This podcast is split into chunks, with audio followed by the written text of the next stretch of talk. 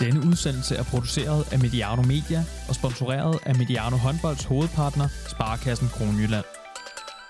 Velkommen til Mediano Håndbolds og velkommen til en kvindeligaen updates. Det første hold til årets DM-finaler er fundet. Odense håndbold besejret det, man efterhånden har kunnet kalde deres onde ånd fra Team Esbjerg, og øh, ja, Odenseanerne står nu som, øh, som det første af to hold i årets DM-finaler. Der er et hængeparti med Herning Ikast og Viborg rivalopgøret i det midtjyske, som øh, mangler at blive afgjort. Her har parterne vundet en, øh, en kamp hver.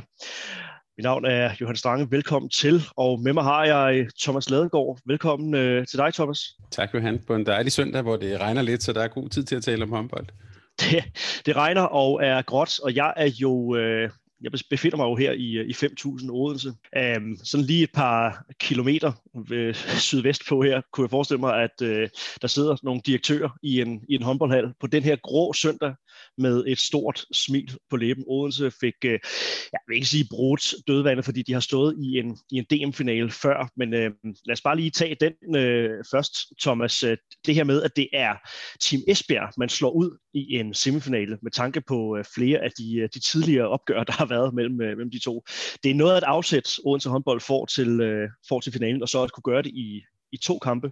Altså min, min første tanke, da jeg så øh, de øh, jublende Odense-spillere, og i øvrigt også den jublende Odense-bestyrelse øh, og direktion, Lars Peter Hermansen, så øh, oprigtigt talt meget glad ud i går, øh, med, med, og med god grund. Det var, jeg, jeg kom faktisk til at tænke på, at øh, helt tilbage til august måned, øh, der lavede du og, øh, og, og, og, og Kasper Andersen lavede sådan en special efter den første kamp mellem øh, Odense og Team Esbjerg, hvor jo øh, Esbjerg vandt med 10 mål, og Øh, og, og man kan sige, øh, Odense har jo haft den kamp, og så havde de lige op til øh, øh, slutningen af grundspillet, hvor altså, hvor det så aldeles alarmerende ud, og det var også sådan noget af det, vi har talt om undervejs, og så synes jeg bare i går, der fik de, øh, øh jeg ved, jeg synes i hvert fald, de fik sat en tyk streg under, øh, at de var der, og at det er et, et bæredygtigt projekt, noget som folk har stillet forskellige spørgsmålstegn ved. Jeg synes i går var, en form for gennembrud. Øh, det vil det selvfølgelig for alvor være, hvis de, hvis det lykkes også at vinde en pokal øh, til pokalskabet på kontoret i Odense.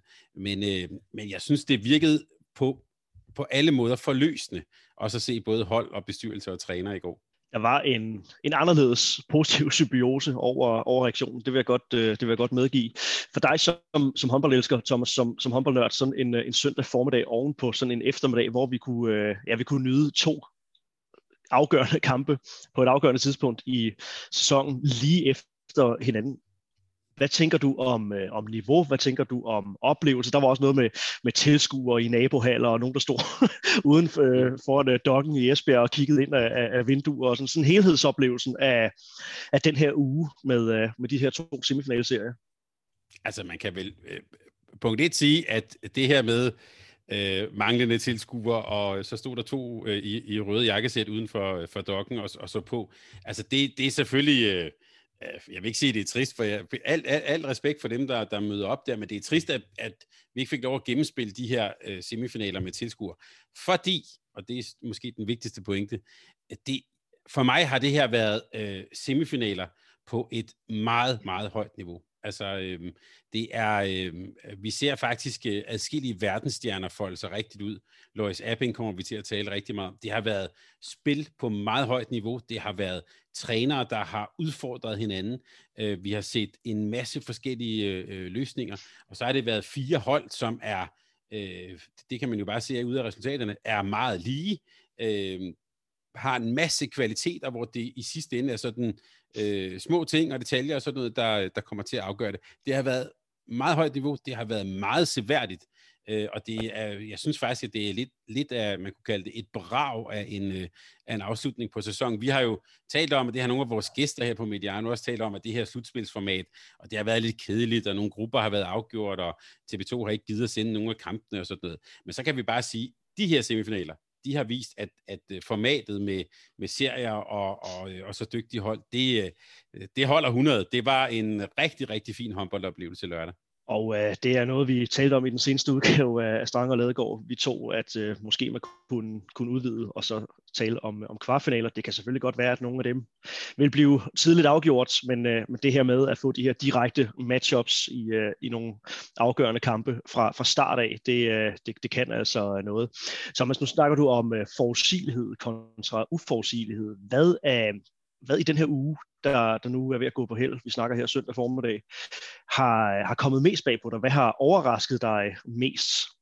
Begejstret dig mest måske? Jeg ved ikke, om der er så meget, der har sådan, øh, decideret overrasket mig, men det har, øh, det har i hvert fald begejstret mig, at vi, øh, at vi ser nogle spillere, der sådan øh, virkelig folder sig ud, når det, når det gælder. Altså der vil jeg igen gerne nævne øh, sådan en som Loris Abing, hvis vi spoler tilbage til august. Hun kom øh, tilbage fra, fra Rusland der, så lidt, så lidt, øh, lidt træt ud og sådan noget. Her, her i de her to kampe scorer hun altså 21 mål.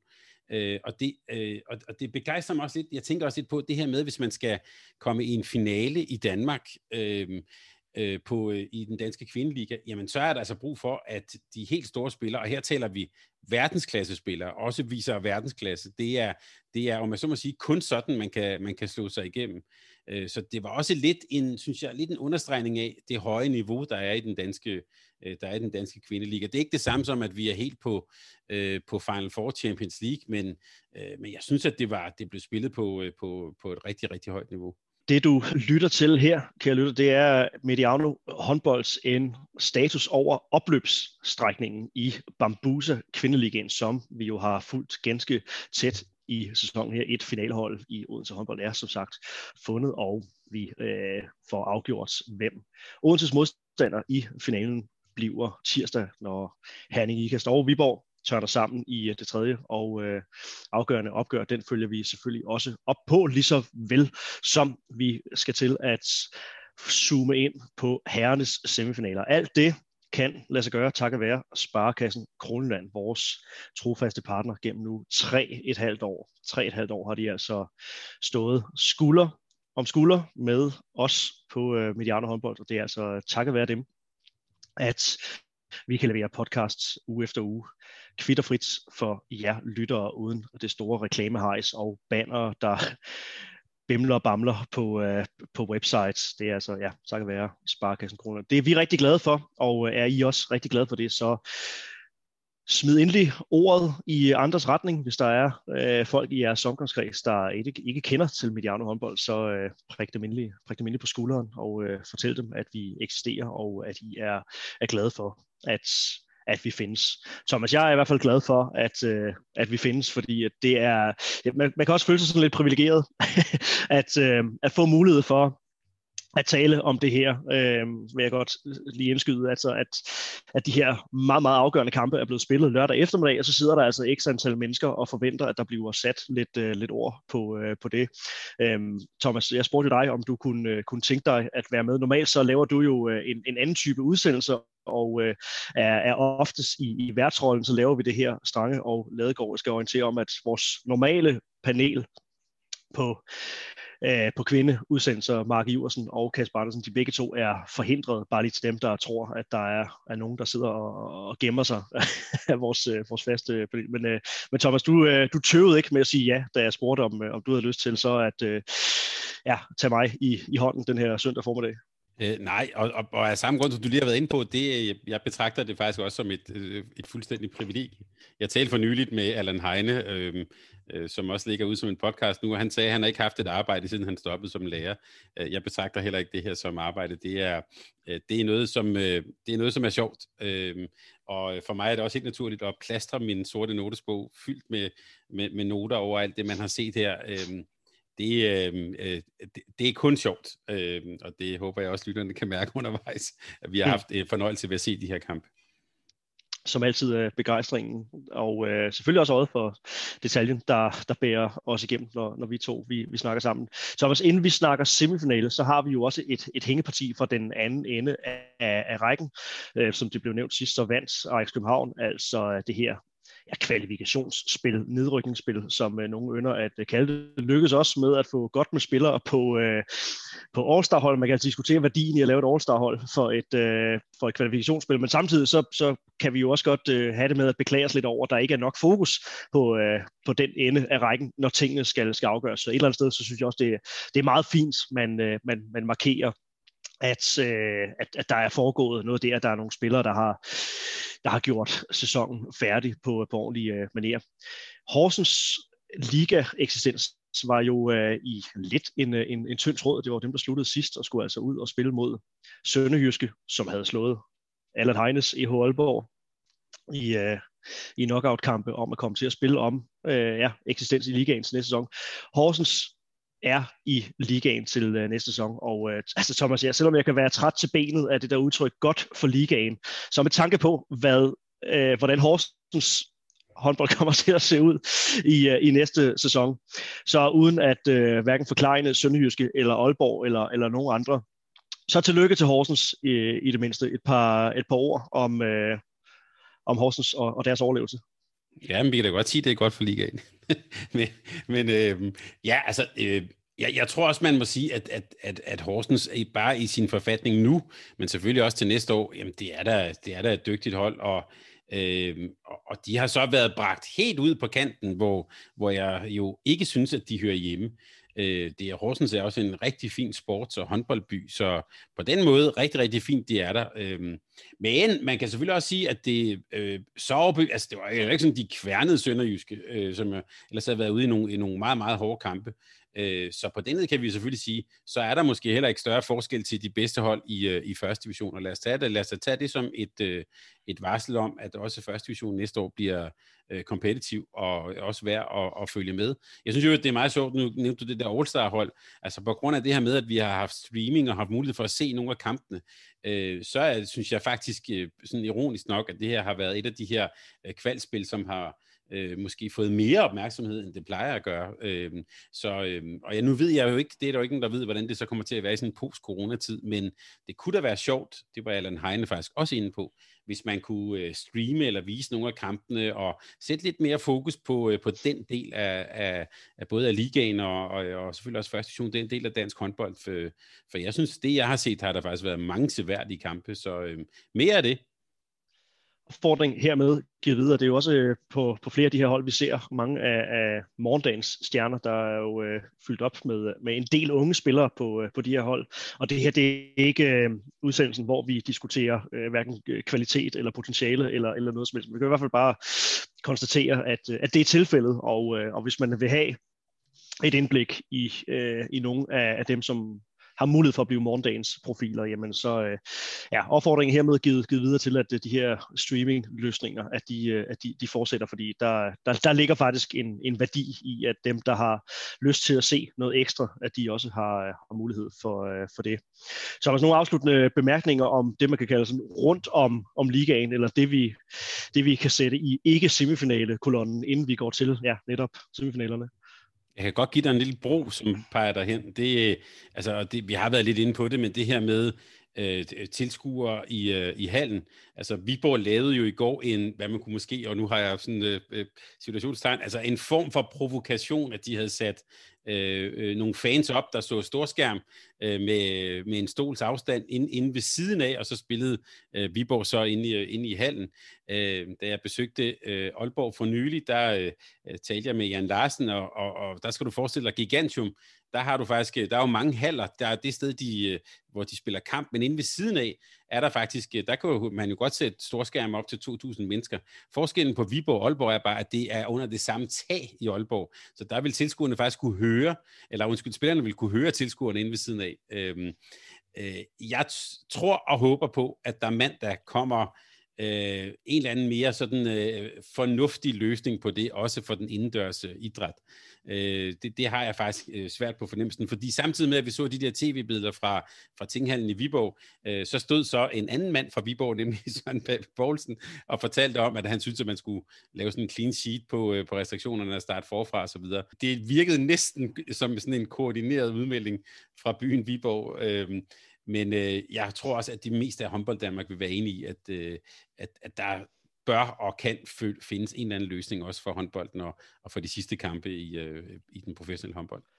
Jeg tror ikke, du, øh, du finder nogen lytter, som ikke øh, er med dig på, på den. Så lad os, lad os bare sige amen, amen og, og halleluja på, ja, på den, Thomas. Kontroversielt synspunkt. Ja.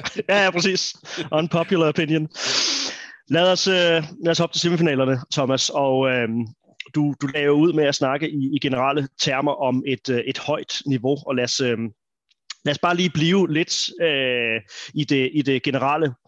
Øh, fordi vi sidder jo og snakker, vi kommer til at snakke rigtig meget om, øh, om spillerne inde på, øh, på banen med forskellige individuelle standouts og, øh, og profiler, som, som afgør kampene. Jeg ved, at du også har, har bemærket, øh, at det har været et, et godt niveau, måske på skift, selvfølgelig sådan er, sådan er øh, kompetitiv competitive sport selvfølgelig, men, men fra, fra de fire cheftrænere, som er, er repræsenteret i, de her, i de her fire semifinaler. Altså, jeg, jeg tror, man sådan helt generelt kan sige om, øh, om, om alle semifinalerne, og faktisk også det, der kommer til at følge efter det, at det jo er meget tydeligt, at vi nu er ude i sådan et, hvad kan man kalde det, sådan et ressourcegame. Altså, at det for trænerne handler rigtig, rigtig meget om at, at, at forvalte de ressourcer, man nu har. Altså, et eksempel kunne være, øh, at Herning Ikast fik i går øh, Sabine Englert med, øh, tydeligvis øh, præget af sygdom, skulle ud og have en banan undervejs og sådan noget, og hun var så ikke i stand til at kunne være en del af et 7 6 spil det her med at løbe frem og tilbage.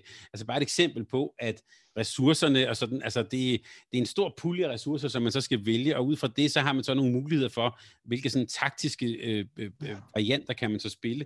Man kan også sige, øh, Esbjerg er også et eksempel, øh, præget af forskellige skader og sådan noget, skal finde alternative løsninger. Øh, altså Herning Ikast også, som kommer fra et, et, et, et Final Four nede i Rumænien og sådan. Altså vi er klart ude i et ressourcegame, og det er vi også, fordi det man kan se nu, det er, at nu har, øh, øh, øh nu har hierarkiet, med så må sige, sat sig.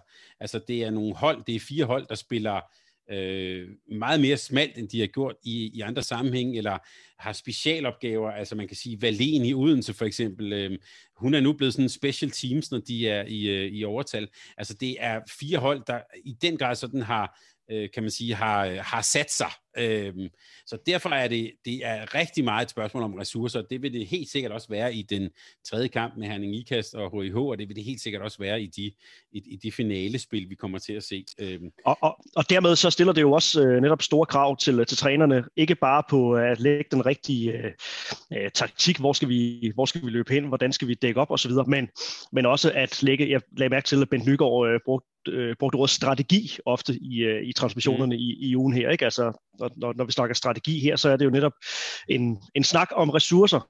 Altså, så, så hvem af, af de fire trænere, øh, ja, nu er der så kan man sige, nu er der kun, kun tre tilbage, fordi at øh, ja, Jesper Jensen er, er blevet elimineret, så at sige. Men, men hvem, der, øh, hvem der er skarpest på, på den del af, af gamet også. Ja, og, og øh, og, og det jeg så synes, som jeg synes, man skal øh, være sådan, om man så sige, meget glad for, det er, jeg synes også, at det har været nogle kampe, hvor initiativ og det at øh, have lidt mod til noget, det faktisk har vist sig, at, altså, at det giver pote. Altså, det, måske det bedste eksempel kunne være Øh, Kasper Christensen i den første kamp for, øh, for Herning Ikast, hvor han øh, jo ligger og skifter, men til sidst, hvor de faktisk kommer bagud, så skifter han over til, går tilbage, kan man sige, til 5-1-forsvaret, øh, går over og spiller 7 mod 6, og så vinder han kampen, og, øh, og Herning Ikast scorer faktisk fem mål i træk, og ligesom sådan, øh, kan man sige, sådan slår endegyldigt sådan et, et, et, et, et søm i Viborgs kiste.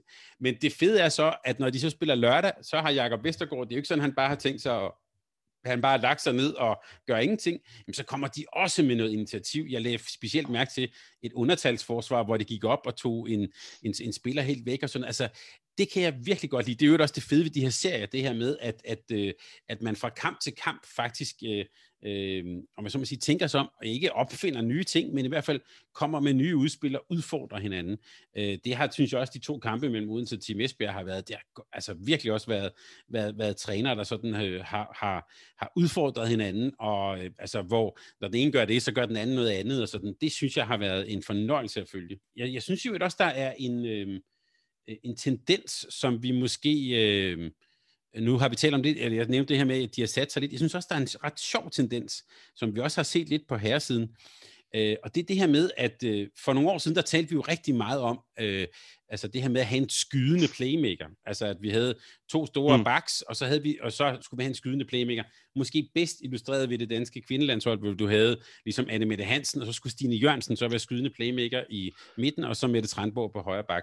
Det vi ser nu er faktisk noget, noget, noget helt andet. Det er, at man mange opstillinger er faktisk to, øh, man kan sige, finte vurderings duelspiller og en skytte. Altså det, er, mm. hvis, hvis, altså det kan være, øh, uden så spiller det næsten konsekvent, hvor det er Lois Abing som den store skytte, og så har de ellers øh, øh, Nicky Groth, Mia Rej og Mie Højlund, det er også tre meget gode at kunne ligge og, og veksle imellem, som er så de her øh, finte vurderingsspillere det samme egentlig med Esbjerg, ikke? Som, som, som så spiller med, øh, jamen, altså det kan være, de har så øh, Mette Strandborg som, som skytten, men som, som så spiller med, øh, med, med, det kan være Penny Annette Jensen, øh, ja, Polman i den første kamp selvfølgelig. Øh, det, det synes jeg har været en meget, meget klar tendens. Man kan sige, Herning Ikast, øh, øh, Hanning Ikast og, og Viborg er en lidt anden snak, men der er også rigtig mange, øh, det her med, øh, altså hvor du har højre hænder inden og så videre, øh, det synes jeg er en klar tendens, og det giver noget andet spil, som, og, og en masse, man kan sige, en masse dueller og øh, en masse sådan vurderinger undervejs. Det, det har de her kampe også været rige på. Og øh, så er vi tilbage til, øh, til snakken om, øh, om netop ressourcer, fordi der er jo også en, en Christine Brejstøl, som øh, er vendt tilbage til, øh, til kampen i, i, i går for, for Team Esbjerg, det kan vi, øh, det kan vi vende tilbage til, men øh, ja, som også så, så rusten ud. Ikke? Så, mm. så de har jo ellers flere gange spillet med, øh, med to store skytter, og så en mindre. Sonja Frej har jo så også været ukampdygtig i de her to kampe. Der har vi sådan endnu et eksempel på, øh, på en spiller i, i den anden øh, kategori her. Lad os tage Odense og Esbjerg. Og øh, jamen, lad os bare blive i snak om ressourcer, Thomas, fordi jeg synes, det, det, er, det, det er super interessant snak. Er det øh, er det, det som, som du siger, der bliver, der bliver hovedet på sømmet? Odense har flere friske spillere, flere spillere, som måske også øh, inden for deres øh, ressourceramme har mest at, øh, at, at skyde med til, øh, til de her to kampe, der, der altså blev afviklet? Det korte svar er ja. altså, øhm, det, Måske også det nemme svar. ja, det, det er også det nemme svar, men, men det, altså det, man kan så sige, øh, når man sidder og ser kampene igennem, øh, og jeg, jeg har faktisk siddet og, og, og, og, og kigget igennem, altså igen, det er så tæt. Altså, der, der, er ikke, der er ikke kæmpe forskel fra, at det er Team Esbjerg, vi, eller i hvert fald, at vi havde en tredje kamp. Det havde måske, med den tæthed, der var, måske også været, øh, det havde de, de her opgør måske faktisk fortjent. Men ja, det synes jeg, altså, det er jo, at de, Esbjerg jo mangler Sonja Frey, mangler øh, Brejstøl, og også øh, Estevana Polman kommer jo til at spille en rolle. Altså dels at hun jo går ind til de her semifinaler, hun er jo ikke på Estevana Polman-niveau. Øhm, øh, og så bliver hun så ovenikøbet skadet, og, altså, øh, og der går en masse opmærksomhed der. Selvfølgelig har det en stor, stor betydning.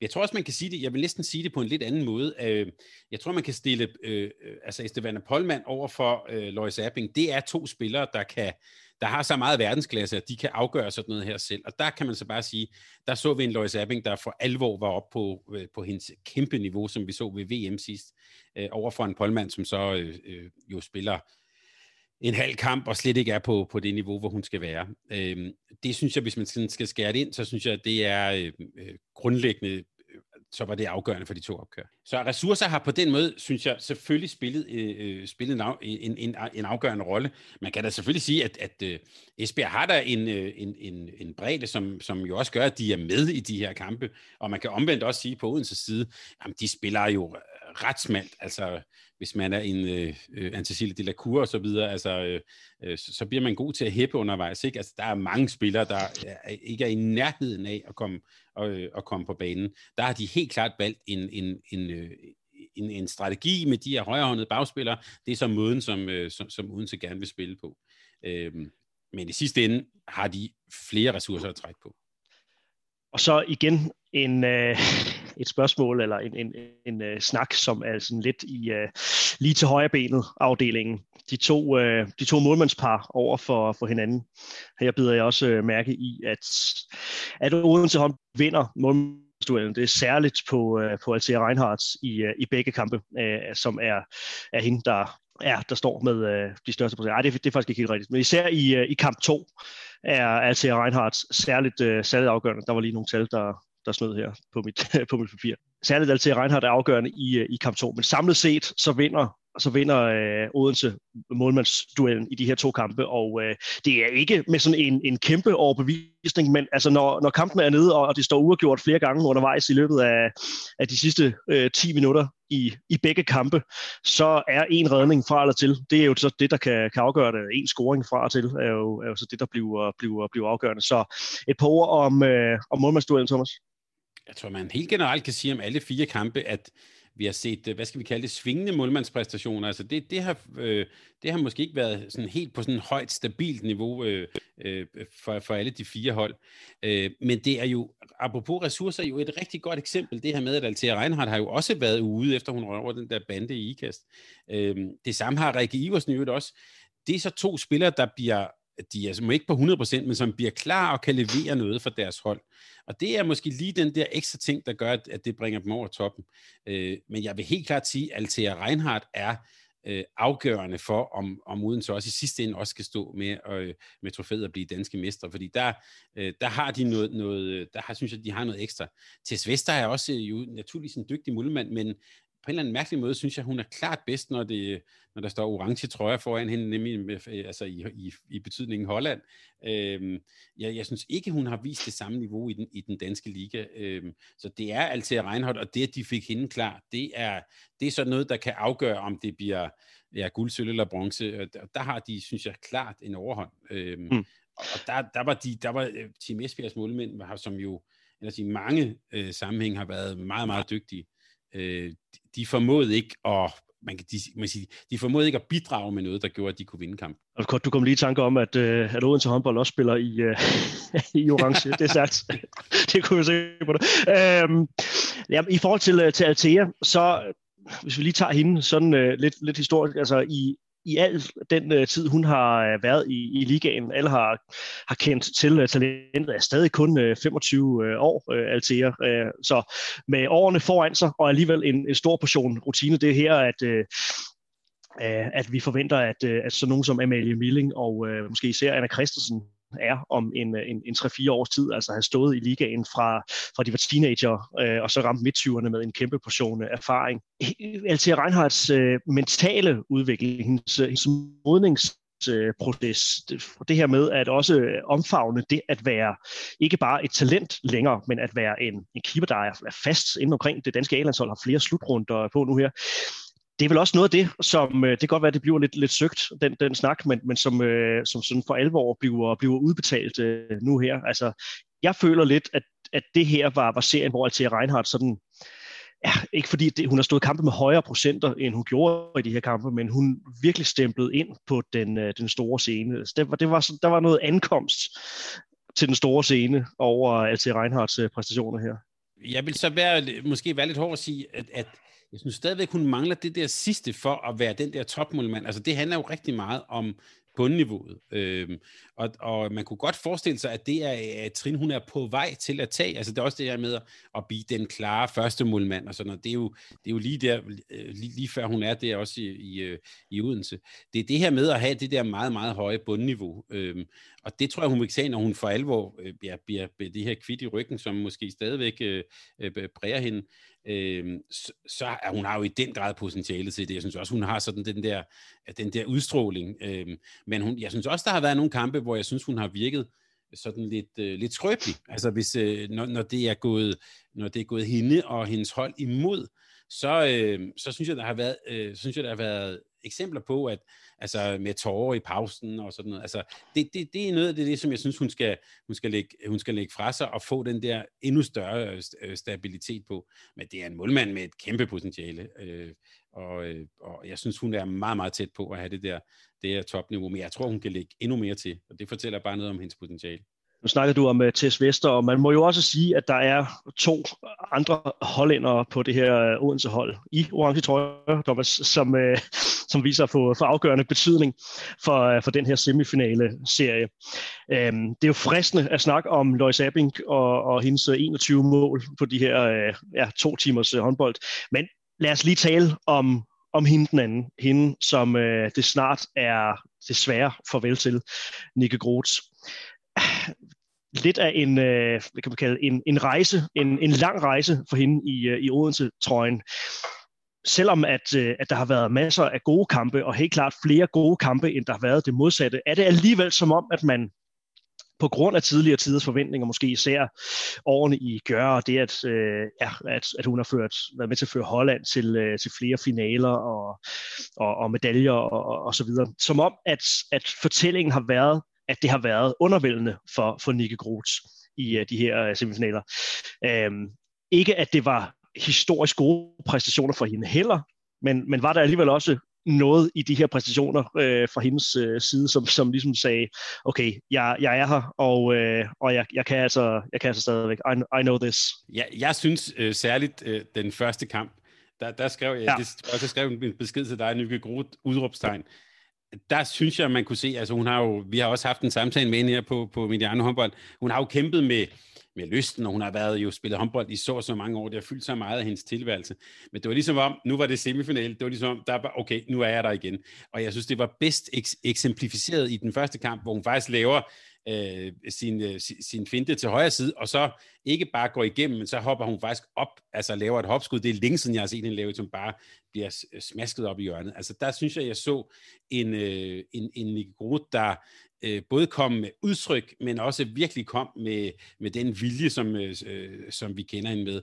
Altså, og man kan bare sige, at øh, øh hvis hun har sat sig for at slutte af på den her måde, og lige minder os om, øh, hvor dygtig øh, en håndboldspiller hun er, så, øh, øh, så synes jeg faktisk, hun er på, på vej til at gøre det med maner. Det var, jeg har ikke set hende så god i den her sæson, som hun var specielt i første kamp, så det var, synes jeg, var en, en kæmpe fornøjelse, og jeg vil bare gerne lige øh, slå fast igen, vi skal, igen husker nyheden. For mig er der, der er jo øh, Nicky Groth, der er Bojana Popovic, og så er der tilbage i 80'erne Amelia øh, Bobby Stabinski. Det er de tre bedste spillere, der nogensinde har været i den danske kvindeliga, og det så vi i hvert fald nogle glimt og noget, øh, øh, ikke bare glimt måske, det var, men vi så simpelthen også, hvordan de foldede sig ud, specielt i den første kamp. En fornøjelse at se hende siger kvindeliga til, øh, ja, til dem, der, der måtte stusse over, at du udlader Anja Andersen, men øh, det handler om, hun primært spillet sin, øh, sin aktive øh, over sin bedste år i, i Tyskland og, øh, og Norge især for, øh, for, for begge laget. Hende har vi selvfølgelig ikke, øh, har vi selvfølgelig ikke glemt. Øhm, men, men Thomas, det her med at, øh, at, at have meldt ud relativt tidligt, at man, øh, at man stopper sin, øh, sin, sin karriere, Fornemmede du, da du snakkede med hende, at, at der var sådan en, øh, en, en frigjorthed over hende nu, hvor det ligesom var meldt ud, en afklarethed i forhold til, jamen det er snart slut, nu skal, vi, nu skal den have det sidste skud? Ja, hun, hun talte dog også meget om, at hun glædede sig til sommerferie. så, så, og det der med en sommerferie uden opstart og sådan noget. Øhm, så, så, ja, så måske er der den der, øh, det der med, nu, nu skal jeg have det sidste med, og, øh, og, og have det sjovt her til sidst. Øhm, det kunne man da godt forestille sig. Jeg synes også, hun, jeg synes også, hun har virket over sæsonen, og det man, altså det, man sådan kan fornemme fra sådan time-outs og sådan noget, Øhm, hun er en, der tager ansvar. Øhm, så, øhm, så, så hvis det er sådan en sidste, sidste omgang med klikken for hende, øhm, så kan vi bare sige, at I ikke den af, fordi det ser ret godt ud, når hun spiller på det niveau. Hvis man rigtig godt kan lide Nico det kan jeg næsten ikke forestille sig, øh, at man ikke, øh, at man ikke kan, så, øh, så venter der altså nu en, en finaleserie med, med hende inkluderet. Lois Abink, den anden hold, eller den tredje hollænder, er det jo, er det jo så 21 mål, som, som sagt. Um, ingen har jo været i tvivl om uh, Lois Abings topniveau, når, uh, så vi jo særligt har set, set fra, det, fra det hollandske landshold. Det har også været lidt en fortælling om, at det øh, i, i perioder har været lidt undervældende, var, var småskadet i, i, i perioder, og det tog lidt tid at, at få hende spillet ind på øh, på beholdet. Men man må sige, hvis øh, nogen har snakket om at gemme det bedste til sidst, eller i hvert fald til, øh, til så afgørende kampe som de her semifinaler, så, øh, så må man sige, Lois Abings øh, to semifinalpræstationer her, at det er, det er noget, man, øh, man bider mærke i. Det, det synes jeg bestemt. Og ja, måske kan man også lave en liten kobling til, øh, til, dem, til deres modstandere, nemlig øh, overfor Nerea Pena. Altså, jeg synes, øh, jeg synes, det var ret tydeligt i, øh, i, øh, i, i kampen lørdag, altså den anden kamp. Øh, altså, der går Lois Abing ind. Jeg synes virkelig, hun, øh, hun udfylder sin opgave. Hun scorer på straffekastene, hun øh, øh, scorer på afgørende tidspunkter og er en konstant trussel hvor, hvor, hvor, hvor Penne, altså, som jo, jeg jo synes er en fantastisk håndboldspiller, øh, brænder to straffekast, hvad vi kan forstå, øh, vil så helst ikke skyde mere, altså, øh, og, og der er det lidt det der, sådan en, en, en lidt for defensiv tankegang. Der er Lois Apping, altså der, hun er der, hun tager ansvar, og hun tør godt at skyde, og hun får scoret på de der straffekast. Og i sidste ende er det jo sådan nogle små bitte ting, som gør, at, øh, at det så er, er, er Odense, der er i finalen. Og der synes jeg, der viser hun altså sin verdensklasse, og hvorfor, øh, hvorfor Odense har, har, har købt hende, øh, og hvorfor hun blev VM-topscorer, og hvorfor hun kan være så afgørende. Øh, altså der, der, der synes jeg, der var, der var, der var forskel. Øh, Penner var ikke i stand til i går i sådan en vigtig, vigtig kamp, og øh, virkelig sætte sit præg og lave noget afgørende. Og det kunne Lois Abing. Om det så lige var 21 mål eller 17, det, det er sådan set lidt, øh, lidt ligegyldigt. Det, det, det er et stort tal for en semifinal. Jeg synes mere, det var hendes rolle og det ansvar, hun tog på sig. Øh, der viste hun, hun var en verdensklassespiller det vi talte om i, i, i starten, Thomas, det her med øh, en form for en form for gennembrud, det er jo måske tavligt at sige for et hold, der har stået i, øh, i flere finaler øh, før, inklusiv, øh, inklusiv pokalfinaler, men er der noget over den, øh, den frigjorthed, som, som du også så i, øh, i reaktionerne på, på sejren, som, øh, som måske kan blive afgørende for, for Odenses præstationer, i det mindste, i, øh, i den finale serie, der nu venter for dem. Deres modstandere er jo ikke øh, fundet endnu. Det kunne man godt forestille sig. Altså, der har jo også været forlyden om, øh, øh, hvad hedder det, Mie Højlund fortalte lidt om det, at de havde haft lidt et rabaldermøde. Det kunne man godt forestille sig, at øh, de forventninger, der er til dem, og også de forventninger, de har til sig selv, øh, det, øh, der virkede det forløsende. Jeg synes også, hvis man kiggede, øh, så på Ulrik Kirkely i begge kampe, jeg synes godt nok, han var, han var meget på. Altså, øh, han gav utrolig meget energi til holdet. Det var, måske også hans, øh, det, noget, der kom indefra, som han skulle have ud, men han var rigtig, rigtig meget på. Øh, og hans øh, hallo til dommerne, dem, øh, dem hørte man også øh, meget ofte.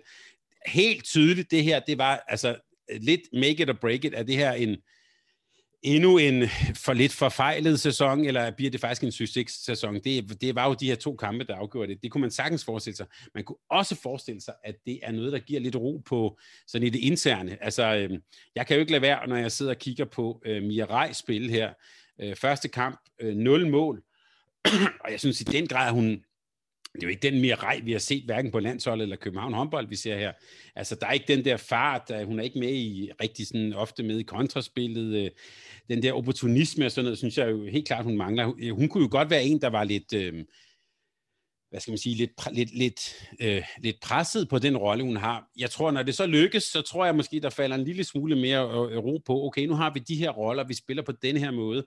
Øh, så det, det tror jeg klart gør, at de kommer ind styrket til, øh, helt naturligt selvfølgelig, til finalerne, at der er mere ro på, øh, på det interne, der er mere ro på, øh, på holdfordelingen, og der er måske også lidt mere ro på, øh, på, på, på hele teamet, og måden, man taler om og med øh, Ulla Kirkely. Jeg har i denne sæson øh, ved en fejl forvildet mig ind på Odense Håndbolds Facebook-feed, Altså hold da kæft, det håber jeg ikke Ulla Kirkely gør. Altså der øh, øh, hvor, hvor mange der har vil have hans hoved på et fad og sådan noget. Øh, det var måske også noget det, man godt kunne se i hans, i hans reaktion. Og hvis vi øh, snakker om, om Odense og øh, kan man sige, deres formbarometer, fra den måde, som de slutter grundspillet på, altså mister førstepladsen i, øh, i grundspillet, mister en, øh, en plads videre i, i Champions League, efter jeg ellers have vundet den, øh, den første kamp på, øh, på, på udebane. Og, øh, og så også den måde, som man, man lægger ud med i, øh, i slutspillet, altså med at smide point til både Aarhus United og Nykøbing Falster, uden at forklare nogen af, af de to mandskaber øh, i øvrigt. Og så til at se dem øh, og deres udtryk i, øh, i de her to øh, semifinaler, eller andet måden man, man slutter øh, ja, slutspilspuljen øh, på talte om det her rabaldermøde her. Altså, i virkeligheden så, øh, så er det jo et stykke trænerarbejde, som går, går under radaren. Altså, hvis det havde været en, øh, en, en, en, anden, en anden træner, en anden type træner måske i virkeligheden. Øh, der er også trænere, som er, er glade for at på en eller anden måde positionere sig selv. Det er jo ikke nogen hemmelighed i dansk håndbold, i øvrigt særligt, øh, særligt i, i kvindehåndboldsmåden, som, som træner kan formå at, øh, at få, få positioneret og promoveret sig selv på. så tænker jeg, at, at, at, at omtalen havde været en anden, så nu får, giver der frit lejde til at sende ord i retningen af Ulla Kirkely, og det trænerarbejde, som han har leveret i den seneste månedstid her. Der, der er jo bare at sige, at det, det er rigtig, rigtig godt. Øh, og, og måske, som du også er lidt inde på, øh, øh, lidt under radaren, det har selvfølgelig også noget at gøre med de øh, øh, sådan helt naturlige forventninger, der, der er der. Øh, så skal man måske også sende en, en, en ros i retning af det team, der er, og også det fysiske team, for jeg tænker, at hvis der er en forskel på det hold, du, du nævner, øh, som, som kom dårligt afsted i slutspillet og sådan og så til nu, så er det jo også, at de har fået Rikke Iversen tilbage. Øh, det, det, øh, apropos det, vi taler om med ressourcer og bredde, det har, også, det har jo helt klart også givet det her hold noget. Men jeg synes også, vi så en Ulla Kirkely, der, øh, som også turde at, at tage initiativ, som var rigtig meget på øh, energimæssigt, og som jo, tror jeg bare er på en notorisk svær opgave med mange store stjerner, mange store forventninger og en historik, der hedder, at vi aldrig rigtig helt lykkes. Øh, det må også være motiverende, en motiverende opgave, tror jeg.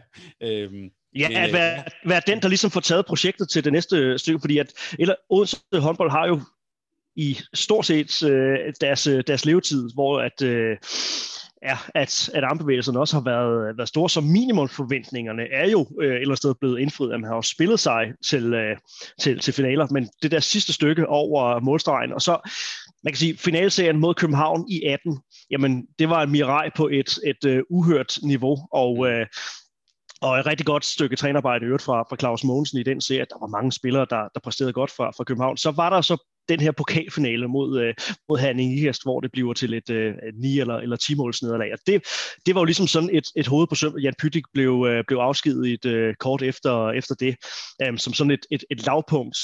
Vi kommer til en øh, finale, men vi kan overhovedet ikke øh, præstere, når vi, når vi kommer øh, dertil. Og så til den her sæson, undervældende som nogen vil mene, det er i, øh, i perioder, så det er jo også det hold af, af de her to øh, hold i, i semifinalen, Odense og Esbjerg, som har præsteret bedst i, øh, i Champions League. Altså kommer, kommer ud af den her Champions League-sæson med det bedste, øh, det, det bedste output. Men øh, ja, der, der er lidt med de der minimumsforventninger, der gør, at det er som om Odense, de skal, de skal altid præstere lidt ekstra for at gøre sig fortjent til, til folkets gunst. Jeg ved ikke, om der er et eller andet med, vi har talt om det med janteloven, og at have den tidligere landstræner som, øh, som cheftræner, og og store armbevægelser, og hente mange danske landsholdsspillere på én gang, og så videre. Jeg synes også, der, der er sådan lidt, øh, og lidt småtterier fra nogle af de andre klubber, har blivet lidt mærke i nogle Facebook-opslag fra Nykøbing øh, i forhold til, så skifter Dione dertil, og det, øh, ja, endnu en, så vil de have endnu en spiller fra Nykøbing, der har prøvet at vinde, øh, vinde titler, og det har de ikke selv, og det er sådan, altså, Odense skal altid gøre lidt ekstra, mener jeg, altså, øh, for at, øh, at, at få, øh, få rosen. Så jeg synes også, at vi lige skulle benytte vores, øh, vores lille space her til at, øh, at få sendt noget i, øh, i, deres, øh, i deres retning. Jeg har også, nu vi har muligheden for det, så har jeg faktisk også lige en, jeg synes, vi skal sende lidt, øh, lidt roser i retning af. Øh, jeg har nogle gange tænkt på, at der i, i dansk ligahåndbold altid har fundet det, jeg vil kalde sådan lidt nogle unsung heroes, eller det er, det er spillere, som er sindssygt gode i ligaen, og sindssygt gode for deres hold, men som aldrig nogensinde vil, komme på, øh, vil være store stjerner på et dansk landshold. Øh, så nogle spillere har jeg en, en, en vis øh, forkærlighed Øh, for. I min barndom, da jeg voksede op i Helsingør, øh, der havde Helsingør en spiller, der hed Torben Andersen, som aldrig nogensinde ville komme på noget som helst landshold, men når de skulle spille de store kampe, så var det altid ham, som de for eksempel, øh, altså Morten Stig har aldrig scoret et mål på ham, fordi han dækkede så godt op. Men det var sådan en, en lidt en unsung hero, og jeg har det lidt på samme måde med Annette Jensen fra Team Esbjerg. Altså en sindssygt dygtig håndboldspiller, som jeg synes i de her to, øh, øh, to semifinaler virkelig har sat sit præg på dem. Altså, øh, jeg har noteret for eksempel i den første kamp, der laver hun sådan, altså sådan en, en, et retningsskifte finte på, øh, øh på hvad hedder det, for den gode Camilla fra Odense, øh, hvor hun bliver sendt helt ud af hende pomfritter. Øh, jeg synes, en, en meget, meget dygtig spiller, som jo, øh, som vi sjældent hører om, hun er ikke en af de der store stjerner med, med 150 landskampe og sådan noget, men i, i sådan nogle kampe, også i sådan nogle semifinaler her, der synes jeg, hun, hun jo virkelig går ind og gør en forskel. Det var jo sådan set også hende, der med, ja, hvad var det, et, et, en tiendedel sekund jo faktisk næsten fik udlignet i den første kamp. Øh, meget, meget dygtig spiller. Øh, sådan nogen her øh, sætter jeg virkelig pris på. Og øh, ja, nu har vi bevæget os ind på, på snakken om, øh, om, om Team Esbjerg, øh, og vi har snakket en del om, om ressourcer. Jeg tror, det er åbenlyst for enhver, at, at, at ressourcerne blev, øh, blev afgørende i de, her, øh, i de her to kampe, og et eller andet sted også en, ja, en lige marginalt skarpere måde at bruge dem på fra, øh, fra Odenses side. Team Esbjerg, som jo øh, ja, vandt, øh, vandt grundspillet, jo også havde sat sig på Odense i de, øh, i de indbyrdes opgør i øh, sæsonen. Jeg tror, mange havde regnet med dem som en, øh, en finalist. Men øh, ja, to nederlag til, til Hanning Ikast, øh, da, da tingene spidsede til. Det sendte altså dem på andenpladsen, og, og så er det her semifinale matchup mod et, et Odense-hold, der altså toppede form på det, på det rigtige tidspunkt. Hvilke ord skal vi sende øh, Team Esbjerg ud af, af sæsonen med? Jeg ved, der, der selvfølgelig venter kamp om, om, om bronzemedaljer, men, men lad os alligevel få, få bundet sløjfen på, på, øh, på Jesper Jensen og, øh, og hans mandskab. Jamen, det har været en, øh, det har været en lidt, ja, du brugte selv ordet undervældende, det har ikke været nogen jubelsæson for, for Team Esbjerg på, på mange måder, og det er måske skåret allermest ud, hvis vi sådan skal symbolisere det, så er det selvfølgelig, at det starter med den her, efter corona starter med Polmans øh, knæskade, og det har jo bare båret lidt igennem, ikke? Altså Brejstøl, Sonja Frej, bare her, øh, bare her til sidst. Øh, det har været en sæson, hvor de har kæmpet med det. Deres Champions League-sæson var, øh, var, var heller ikke sådan overvældende, vil jeg sige. De har selvfølgelig også været op imod nogle, nogle, nogle dygtige hold.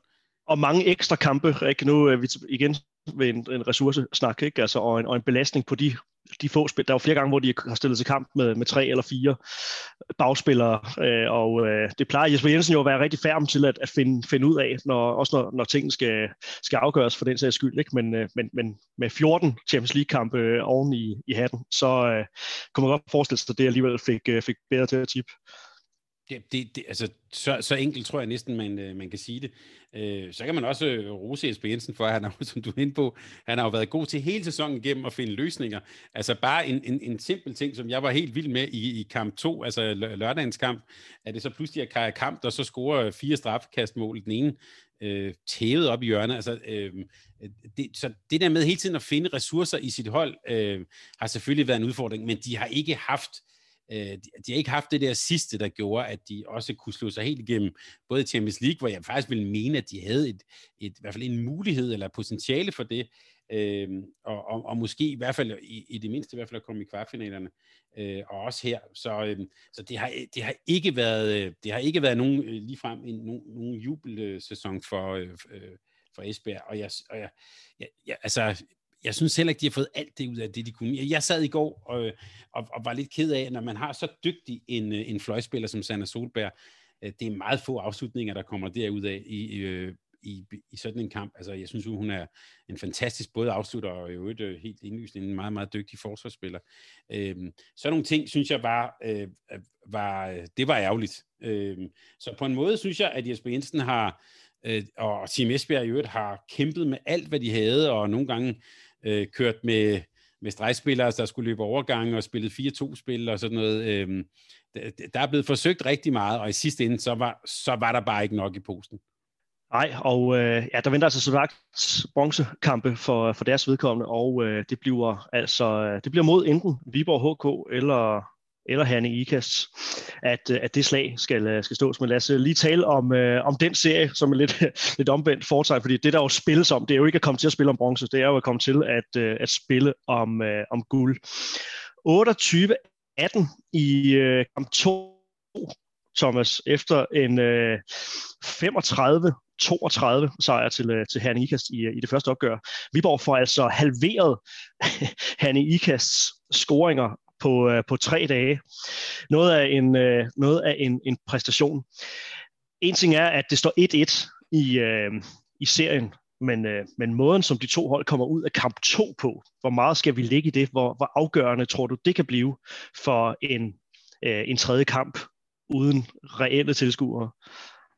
Jeg synes, øh, det bliver faktisk på i kategorien så, øh, for gode spørgsmål, Johan. Øh, fordi det, øh, det indlysende svar på det her, det er, at den ikke står 1-1, men at den står halvanden 1. Altså, at, øh, at, at, at Viborg faktisk kommer ud af den her kamp med, med mere næsten en bare en sejr. De kommer faktisk også ud og er sådan lidt mentalt ovenpå. Øh, jeg er bare ikke helt sikker på, at det forholder sig sådan. Øh, øh, jeg fornemmede lidt, da jeg så sådan i hvert fald de sidste måske 20 minutter af anden halvleg i går, at, øh, det var lidt en kamp. Jeg vil ikke sige, at de solgte den her, Nisa. Det synes jeg ikke, de gjorde.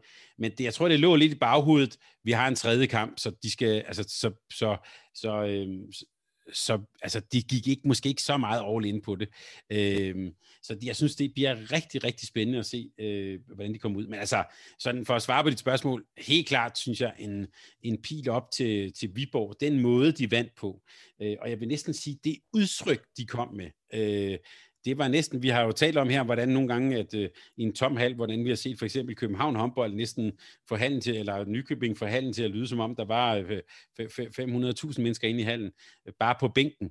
Det synes jeg også, Viborg gjorde i går. Er du tosset, de var på? Øh, det synes jeg var meget, meget klædeligt, fordi det, den energi, den kunne man jo også se i alle taklinger. Der var, øh, som tv-kommentatoren bemærkede, også en på et tidspunkt, en, en slutspilstakling, tror jeg, de kaldte det. Det synes jeg var et meget godt udtryk. Øh, Ida Marie Dahl, der går frem og, øh, øh og, og virkelig takler igennem. Øh, det synes jeg var et synonym på den, det udtrykker den vilje og den gejst, som, øh, som Viborg kom med. Så et pil op øh, før, det, før det tredje opgør. At det to kampe, som øh, bliver, bliver vundet af, af trænerne? Nu snakker vi tidligere om, øh, om øh, at, at vi også skal huske at sende, øh, sende roser i, i retningen, og ris for den sags skyld, hvis det er, er berettiget i, i retningen af, af holdenes cheftræner. Kan man sige, at de to kampe er, er sådan et udtryk for, at, at de også bliver, bliver vundet på, på bænken? Først Kasper Christensen i, i kamp 1 med hans initiativer, og at Jakob Vestergaard så får så at sige, forvandlet øh, de grønne til, øh, til kamp 2 jeg, jeg tror jo, jeg, jeg tror ikke, jeg hører til den skole, der øh, tænker håndbold så meget skakspil, at trænerne sådan i sig selv kan, øh, kan vinde håndboldkampe. Men de kan i hvert fald skabe nogle rammer, nogle forudsætninger for, at det kan lade sig gøre. Og det synes jeg, de to trænere har gjort. Så på den måde kan man også sige, at den står 1-1 i, øh, i, øh, i, i kampen mellem dem. Øh, jeg, jeg påstod jo i, i, øh, i den samtale, jeg havde for nylig med Kasper Christensen, at hans indsats er gået en smule under radaren. Øh, fordi vi altid kun taler om de der tre store hold. I virkeligheden har Erling Ikast jo har spillet et, et brav af en sæson, eller nu kan vi så selvfølgelig se, hvordan den slutter af, men jeg synes, de har gjort det virkelig, virkelig godt. Og den der øh, taktiske fleksibilitet, han har vist med at arbejde med både 6-0, med 5-1, øh, også dække det meget offensivt. Noget, jeg synes, man skal lægge mærke til i, øh, i Erning Ikastes 5-1, som jeg synes er ret interessant, øh, det er det her med, at øh, at når der så, det, det som Viborg har prøvet at løse det med, det er jo, er jo så at løbe et hav af overgangen. Øhm, og der arbejder han Ikast ofte med, at så bliver den fremskudte bare fremme. Og det giver jo problemer for sådan en som øh, Line Havsted, fordi pludselig har hun måske ikke så mange steder at aflevere bolden hen. Det synes jeg var ret interessant. Øh, jeg kom til at tænke på, øh, øh hvad Mick Hanebo engang har sagt, det der med, at øh, at det, det, man skal ikke løbe overgangen med offensiv forsvar. Der skal man udfordre mand-mand. Det er det, der er problemet for et offensivt. Det er det, der giver et offensivt forsvar problemer.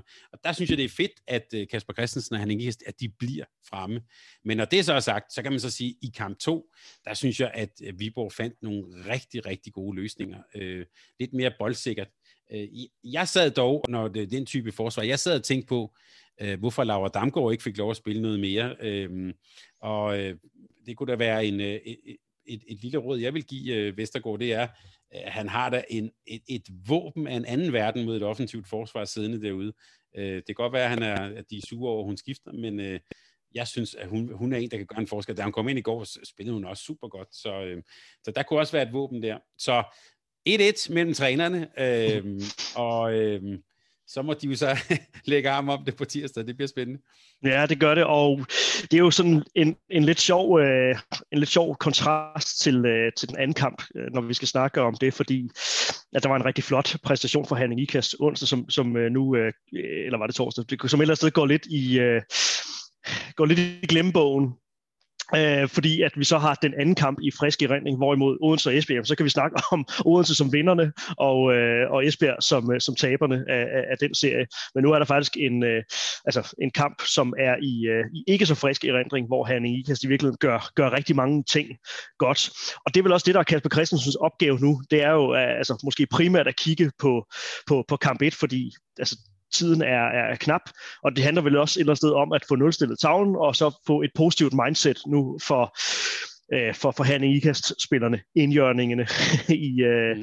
inden, inden den her tredje, tredje kamp. Altså at, øh, at tage det, der er, er mest muligt brugbart fra, fra, fra kamp 1, selvfølgelig lære af, af, af kamp 2, men, men måske ikke bruge overdreven, øh, overdreven tid på, øh, på den, primært fokusere på, øh, på den første, første kamp, som jo var, var deres bedste præstation af de her to. Ja, jeg, jeg tænker også, at for Kasper Christensen, synes jeg, tror jeg, det handler utrolig meget om at få øh, den der norske bagkæde til, øh, altså til at komme, ja, både at de kommer med ressourcer, og de kommer med samme tryk, som de gjorde i den første kamp. Altså, øh, øh Stine Skogrand, øh, to mål i Viborg her lørdag, ikke? Øh, og Bakkerud det samme, også to mål. Øh, det er lidt, lidt af, af så vigtige spillere øh, i, i, i så vigtig en kamp. Øh, så det er der nøglen ligger, synes jeg, for Kasper Christensen, og for dem helt op på, på, på det niveau, de har haft i, i sæsonen her. Omvendt så venter der jo også en, en opgave nu for, for Jakob Vestergaards vedkommende. Øh, det er jo dem, der måske er mest i, i flow, kommer ind til, til kamp 3 her med, øh, med, med, med størst selvtillid. Men øh, det er jo så spørgsmålet, hvor meget man kan bruge, øh, bruge det til, hvis det lige pludselig det står, lad os sige, 4-2 efter, efter 5 minutter til, til Herning Ikast, og, øh, ja, og det er ligesom dem, der kommer, kommer bedst ud til, øh, til kampen. Hvad er, hvad er opgaven for, for Jakob Vestergaard og det her Viborg-hold nu? Yes, altså jeg, jeg vil sige, punkt et, det må være, øh, det må være at bevare det der udtryk. Altså det, det, det udtryk, de kom med øh, lørdag, det er et udtryk, der kan vinde, øh, der kan vinde guld simpelthen til Viborg. Øh, det, det, og så synes jeg, at øh, så tror jeg, at punkt to, så vil jeg arbejde rigtig meget med øh, løsninger over for de her sådan offensive varianter. Jeg tror, det er Herning Ikastes øh, øh, store chance, det er at gå ud og stresse dem, altså gå ud og, øh, og, og putte stress på. Det er trods alt stadigvæk unge spillere, Christina Jørgensen, øh, øh, Line Havsted og så videre. Prøv at se, om, om, om, om man kan stresse dem til at lave øh, lidt fjollet, øh, hvad hedder det, øh, øh, ja, sådan lidt fjollede afslutninger og så videre. Øh, så arbejde lidt med, med, med nogle varianter på det. Og så vil jeg jeg ved ikke, hvordan jeg vil gribe det an, men man kunne jo godt sidde med en formodning om, at der står en øh, Sabine Englert inde i målet. Øh, altså, vi taler om store spillere, store kampe og så videre. Øh, hvis hun har lige er blevet og har nogle dage mere til at blive frisk. Altså, det der mentale, vi har set det utallige gange, det der med, at, at folk næsten bliver helt bange for at skyde på hende. Øh, ja, altså, jeg vil sige, der var der, der, var der en, øh, en kort periode, endte som ja. at blive, øh, fordi de fik, fik så skudt hul alligevel, ikke? men øh, hvor hun var ude og, og tanke op på bananer, og det kan man jo håbe for, for Hanne Ikas skyld, at hun, har, hun får tanket op på, på den front inden, øh, inden, inden tirsdag, men, men øh, vi sad og skrev om det undervejs, der, okay, big game England. Altså mm. det lignede, og Viborg var jo komfortabel i førersædet, også på det tidspunkt, men men havde altså en periode på en 10 minutter, hvor de havde svært ved at, at få skudt hul på hende. Og øh, det er så godt Viborg-forsvar i den anden ende, og, og, øh, og, og mindre skarphed fra, fra Hanikas, der gør, at, at de aldrig rigtig kommer med i, i den periode. Men der var alligevel en, en lille periode der, som, som måske gav nogle forhåbninger for Henrikas vedkommende mod, uh, mod den afgørende tredje, tredje kamp her. Altså hvis, hvis England kan stå en sammenhængende periode, som hun gør lige, uh, lige der, og det ved vi jo, hun, uh, hun kan, så sætter det sig også i hovedet på, uh, på, på Viborg-spillerne, og, uh, og hermed fordel Henrikas. Ja, og det er jo altså, og det var også det, jeg prøvede at sige, altså det er jo ikke noget, Jacob Vestergaard skal jo ikke sige, at det er jo lidt det der med de blå isbjørn, man skal jo ikke sige, nu må I ikke være bange for at skyde på England, det, altså det sætter sig jo bare fast, øhm, men det kan i hvert fald gå hen og blive en faktor. Jeg vil, uden at kende til Englands øh, øh, fysiske tilstand lige nu, mens vi taler sammen, så vil jeg godt vide en halv kasse øl på, at hun starter inde på tirsdag, fordi det er den der, det der med den der chok-effekt og den der gejst og det udtryk, Viborg kom med. Hun er en, der kan slå det ihjel simpelthen ved, ved, bare, ved bare at lægge for og så sige, ligesom markere fra starten af, det her, det bliver en Sabine Engler-dag, så I kan bare komme an. Der er 10 skud for en 10'er. Øh, det, det, hun har jo den evne. Øh, Øh, så, så jeg vil sige, pil op til Viborg, men på Englert-kontoen og på noget af det, den, den kvalitet, der også er i øvrigt er i Herning Ikast, så tror jeg faktisk, at vi øh, det kan gå hen og blive et meget, meget åbent opgør. Hvad glæder du dig mest til? Et meget øh, klassisk spørgsmål, men jeg er simpelthen så nysgerrig på det øh, alligevel. Øh, for den her tredje kamp. Øh, jeg glæder mig til, øh, jeg glæder mig til målmandsduellen. Vi har talt om øh, Engler selvfølgelig. Jeg synes også, at Anna Christensen også viste, nu vi apropos vores, vores, øh, hvad hedder det, vores samtale om Altea Reinhardt, at det er jo en, en på mange måder, synes jeg, meget seværdig målmand, men som jo med sin unge alder ikke har helt den her, øh, hvad kan man sige, øh, øh stabilitet endnu. Og så glæder jeg mig til en, et, et, et navn, vi slet ikke har nævnt endnu, Johan, og det er øh, Christina Jørgensen. Hun er, altså jeg vil bare sige, hun er fandme vild. Altså, øh, øh, specielt i den, øh, synes jeg, i den, i, den, i den første kamp. Det er en spiller, der både kan og vil tage sit hold på nakken, øh, og som jo, jeg, jeg jo synes, øh, hele sæsonen igennem øh, har vist altså et kæmpe, kæmpe højt niveau. Og det fede ved Christina Jørgensen, det er, jeg, jeg tror ikke, vi siger for meget, øh, at, at, at hun har jo, øh, altså hun er slet, slet ikke nået sin top endnu. Det tror jeg ikke på. Øh, så at se hende i sådan en kamp her, det, øh, det glæder jeg mig rigtig, rigtig meget til. Øh, og så synes jeg også, der er en spiller, som vi måske ikke taler så meget om, men som øh, jeg godt nok også synes øh, har, har, har vist øh, stort niveau her, det er øh, Vilde, øh, Vilde Johansen fra, fra Herning Ikas drejspilleren, efter hun er kommet tilbage, både forsvarsmæssigt, angrebsmæssigt. De søger hende også meget, men hun er, synes jeg, meget sikker og virkelig sådan en, en, en, en spiller, der binder det her Herning Ikast hold øh, sammen. Så det er, øh, øh, jeg synes, der er mange individualister, der er mange, mange dygtige, øh, dygtige spillere i, øh, i, øh, hvad hedder det, i de her hold, og dygtige trænere, så jeg tror roligt, du kan glæde dig til et brag af en kamp. Øh.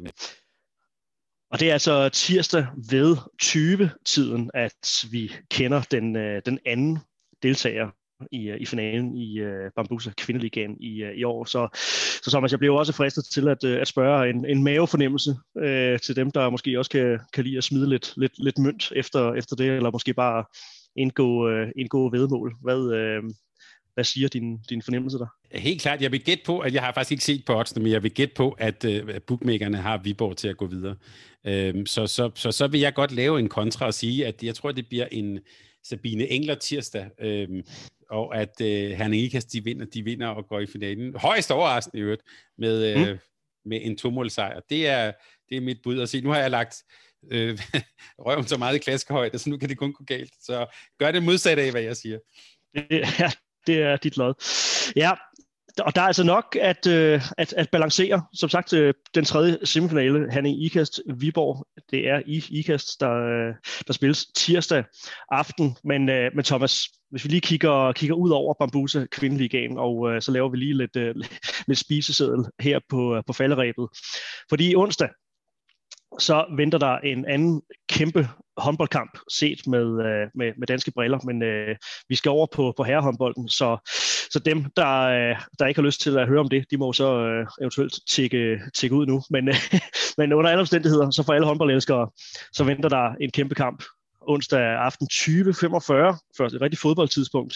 Flensborg Handewitz mod Aalborg håndbolds 26-21 føring til, øh, til Aalborg håndbolds efter det, det første opgør. Skulle ned og spille i en, i en mennesketom Flens Arena, øh, Thomas, det bliver, øh, det bliver uanset hvad, bliver det en, øh, en, en oplevelse. Og der er mange, der diskuterer favoritværdigheden. Hvor stor en favoritværdighed har Aalborg øh, nu med, med de her fem mål og en, en relativt lavt scorende kamp? Der er jo ingen garantier for, at det ikke også bliver det i kamp. Det er som om, vi taler ud fra, at den bliver, altså det bliver man siger, over 30 mål til begge hold i, øh, i kamp 2, og dermed endnu større fordel, fordel Aalborg det skal, vi ikke, øh, det skal vi ikke snakke så meget om andet, end vi vil sige her på, øh, på kanalen, at vi selvfølgelig følger op på, øh, på den kamp.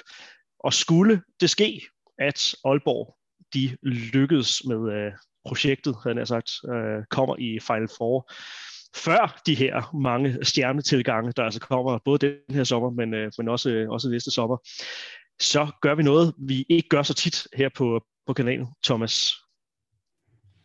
Vi går i uh, gul breaking, og vi, det gør vi... det, det, vi er jo ikke nyhedsmedie på den måde, uh, men uh, vi har fået vores uh, Champions League-eksperter, uh, Sonny Larsen og Rasmus Bøjsen, de sidder klar.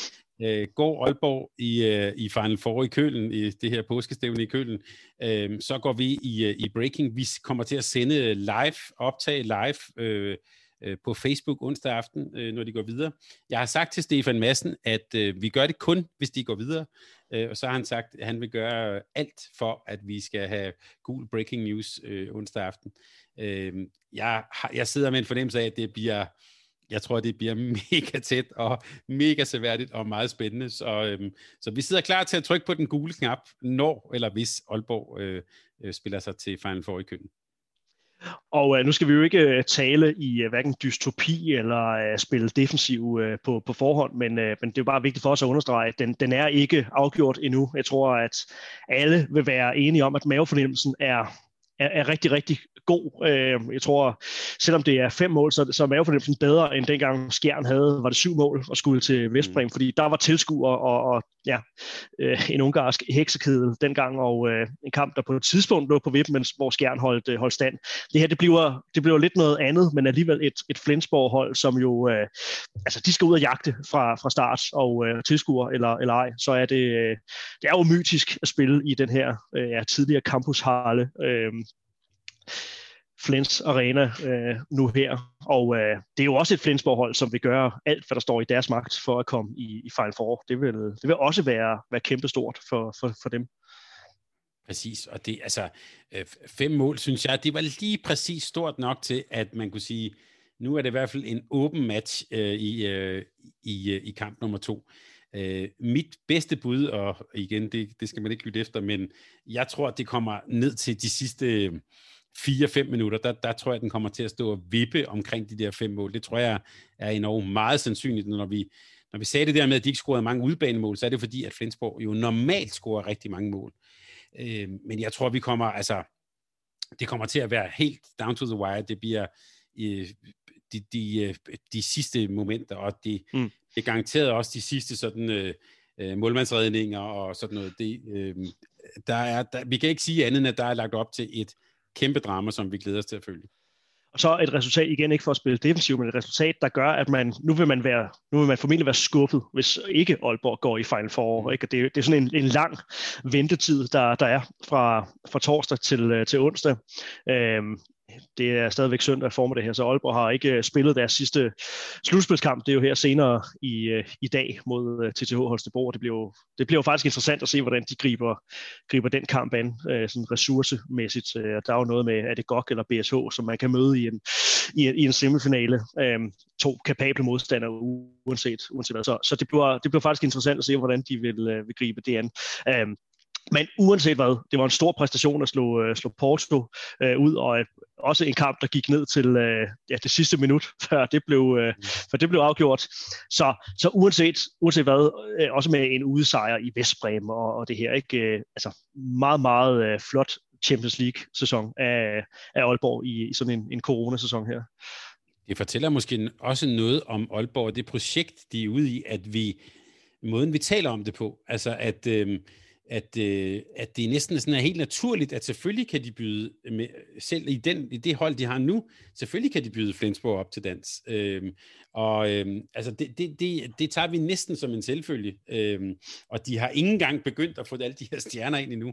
Det, jeg synes, det fortæller noget om det arbejde, der bliver gjort i Aalborg, den scouting, der er blevet gjort. Altså, Uh, Lukas Sandel, hold kæft, han var god i sådan en kamp der, ikke? Det mm. synes jeg er godt fundet. Altså det er ikke fordi, han, han har været ukendt, før han kom til Aalborg, men at finde en, som så er i stand til at tage det der næste step op, som, som, som han har gjort, og som Felix Klar har gjort, uh, altså det synes jeg er virkelig, virkelig flot arbejde. Så det fortæller noget om, uh, hvor, hvor langt Aalborg er kommet, at det er sådan relativt naturligt at tale om, at jamen, selvfølgelig har de der en chance mod Flensborg, og mm. øh, selvfølgelig har de der en chance for at komme til Køln. Øh, at det, der er sådan et eller andet mindset der, som er blevet, som, som Aalborg har været med til, og en, lige de her dage faktisk er med til at ændre for dansk håndbold. Mm. Og øh, nu skal vi jo ikke øh, skal vi gemme lidt nogle af pointerne til, øh, til onsdag, og selvfølgelig øh, også fordi, øh, ja, nu jinxer jeg jo, at vi kommer til at sidde sent onsdag aften og, og sidde og lave, lave breaking. Det skulle jeg måske ikke øh, gøre.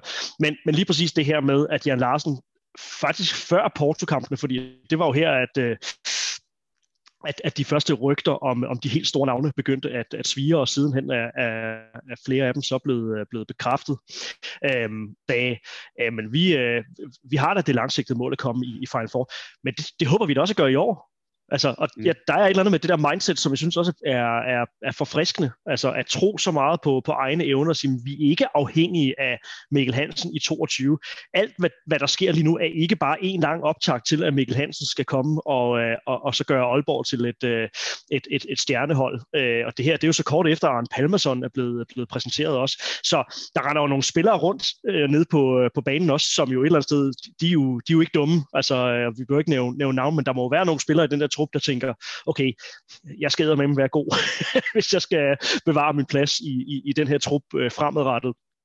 Øh, og alt den snak om øh, øh, fortryd og Savstrup, øh, nu må man sådan, ej, altså Magdeburg er en, en kæmpe klub, øh, så, så det, det tror jeg ikke, han gør. Det er, det er kanon at spille i, i Bundesligaen. Det er det helt rigtige øh, for ham, sådan øh, udviklingsmæssigt. Men, men det at præstere, det Stefan Madsen øh, og, øh, og drengene, de, øh, de gør lige nu her, midt i alt den her virvar om det, der kommer til at, at ske i fremtiden, det synes jeg faktisk på en eller anden måde, for mig gør det præstationen øh, større uanset om de går i, i Final Four eller, eller ej. Nu har de i hvert fald spillet sig til en marginal favoritværdighed, vil nogen mene, øh, forud for en kamp 2 i en kvartfinale mod store Flensborg Handewitt. Og det fortæller måske også noget om, øh, om øh, Stefan Massens øh, lederskab. I den samtale, vi havde med ham for nylig, der omtalte han jo også sig selv som leder mere end træner. Det synes jeg sådan rent sprogligt var ret interessant. Og det er nok, når man er øh, når man agerer på det niveau, han gør, så er det også primært en lederopgave, fordi man kan sige, kompetencemæssigt er de simpelthen er de jo meget, meget dygtige.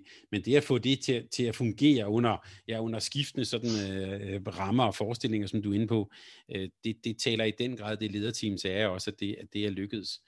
Øhm, og så har vi slet ikke sagt ordet Henrik Mølgaard endnu.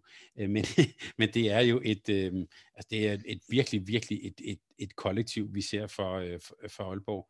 Altså imponerende, og også altså Arkefors, han vinder den målmandsduel i sådan en kamp der, det, det havde jeg måske ikke lige set komme, så øh, altså, der er bare at løfte på hatten og krydse fingrene for, at øh, vi får et dansk hold igen i Final Four. Det er længe siden sidst.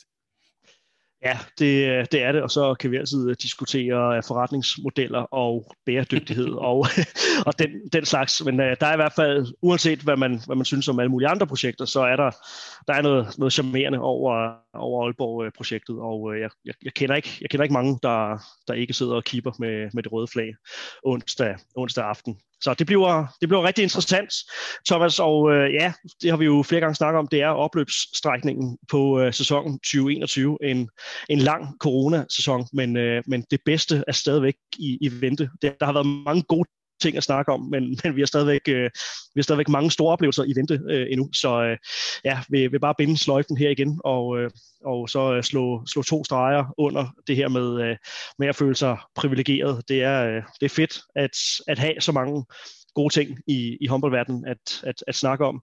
Så er der nogle andre ting, så er det det her med 15 hold i herreligaen og, øh, og alt det her. Nu er det ikke en, en strang ladegård udsendelse på, på den måde, men øh, der er masser af ting at samle op på i, øh, i den kommende periode i resten af maj og, og ind i juni, og, øh, og det vil vi selvfølgelig gøre her på, øh, på Mediano håndbolds, og øh, ja, det kan du altså det kan du altså gøre, fordi at vi har Sparkassen Kronland ombord, så, så tak til, til dem.